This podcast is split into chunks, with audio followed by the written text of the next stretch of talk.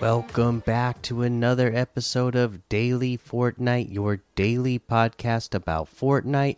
I'm your host, Mikey, aka Mike Daddy, aka Magnificent Mikey.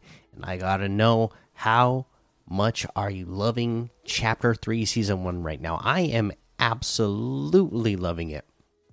You know, I'm just having a great time. The very little bit I've gotten to play uh, in these first couple of days, uh, you know, has got me loving everything about it. Really, uh, you know, there's not any new news to talk about today, so we're just going to continue about, uh, continue talking about, uh, you know, just this new season and this, some of the new features we have in general. Uh, let's see here. Oh, and then of course, uh, you know, we're we're also uh, we we got to talk about uh, our challenges, right? I'm almost uh, so used to not talking about them now because of uh, because of last season and just how you know no good the the challenges were since they didn't really have challenges right they just had uh, little uh, quests and what and whatnot so uh, I, am almost forgetting that this is something that we even cover these days uh, on, the podcast.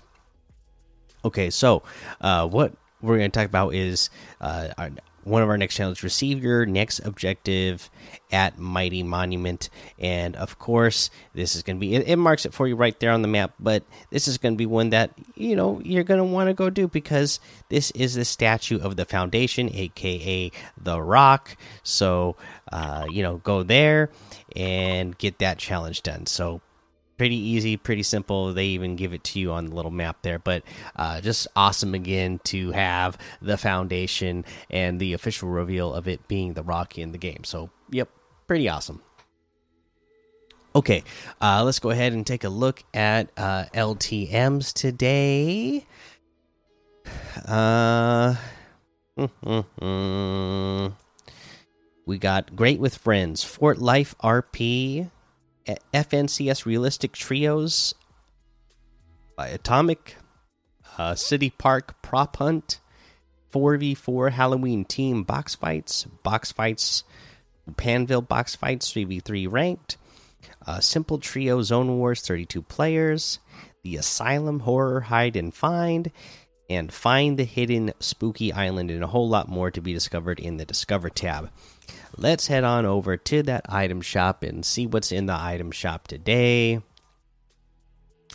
Uh, still have that tis the season section. We have the get far out items in here today, so that's really exciting. Uh, again, this is the items where you uh, your character is wearing a, a tie dye hoodie. Uh, each of those separately is 800 V bucks. You can get a bundle which has all of the characters plus the far out vibes harvesting tool and the world eye back bling all for 2500 that's 2400 off of the total if you got them separately. If you want to get the far out vibes harvesting tool itself it's 500 and oops and the world eye back bling itself is 400 uh, the Jordan brand section is still here, and then we have the Focus outfit with the Chuck Pack back bling for 1,200. The Cloaked Shadow outfit with the Shadow Wings back bling for 1,500. The Star Wand harvesting tool for 800. I know that's a lot of people's favorite. The Spectral Axe harvesting tool for 800. The Savage emote for 500. The Scanline wrap for 300 uh, we have the Wake Up emote for 500. The My World emote for 500. The Raleigh Roly emote for 500. The Last Forever emote for 500. Uh, we get the Sugar Plum outfit with the Flutter Frost backbling for 1,500. The Frosted Flurry outfit for 1,200 the Scarlet Commander outfit for 800, Crimson Elite outfit for 800, the Bright Bomber outfit for 1200. That's another fan favorite that I've always liked myself. The Bright Gunner outfit with the Bright Bag backbling for 1500. the Rainbow Smash harvesting tool for 1,500, the Bright Blimp glider for 1,200. And that looks like everything today. So you can get any and all of these items using code Mikey M M M I K I E in the item shop, and some of the proceeds will go to help support the show.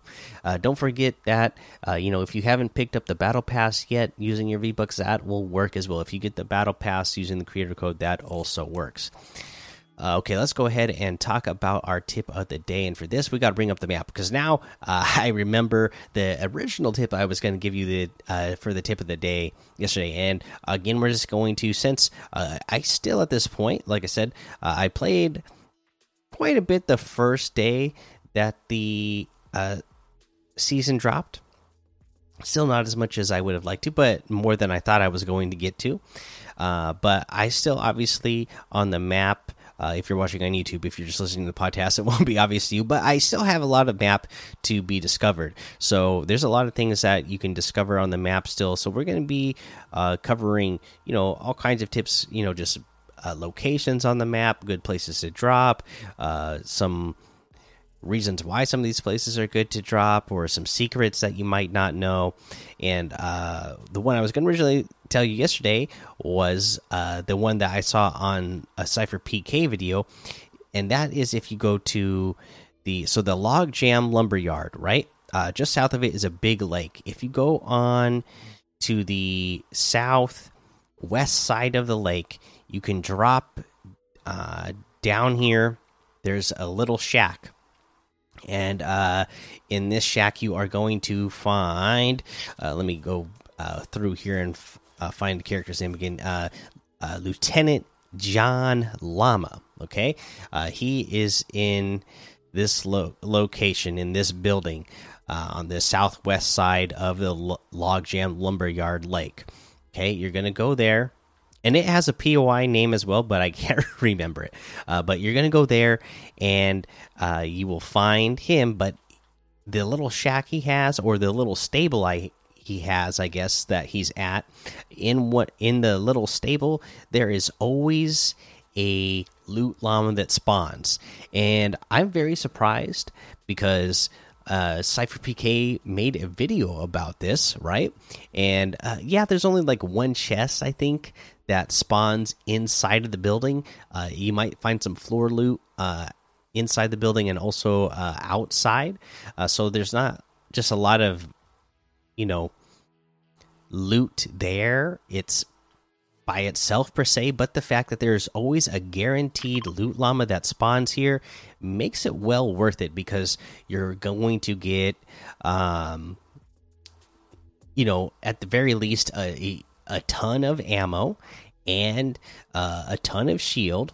And then uh, if you uh, use tips that we've talked about in the past for trapping the llama so that it doesn't escape and makes it easier for you makes it easier for you to eliminate the llama then uh, you can end up with uh, you know even more material and uh, you know a chug splash or something as well. So you know i think this is going to be a pretty good spot. And in general, I really, I do really like this log jam lumberyard area anyways uh, i do like that there's so much wood around here. There's a, you, know my favorite material to build with is brick and uh, there's actually a ton of big you know those big huge boulders that you can hit that uh, when you break uh, one they're almost worth a hundred brick themselves. Like there's a ton of those big rocks around there as well. So uh, i feel like you get good material uh, you know just the fact that you can get a guaranteed uh, loot llama and uh, which is going to guarantee you shield throughout uh, the match. It's just it's uh, it's a pretty good spot. So check it out. Uh, that's going to be the episode for today. Make sure you go join the daily Fortnite Discord and hang out with us. Follow me over on Twitch, Twitter, and YouTube. Head over to Apple Podcasts, leave a five star rating and a written review for a shout out on the show.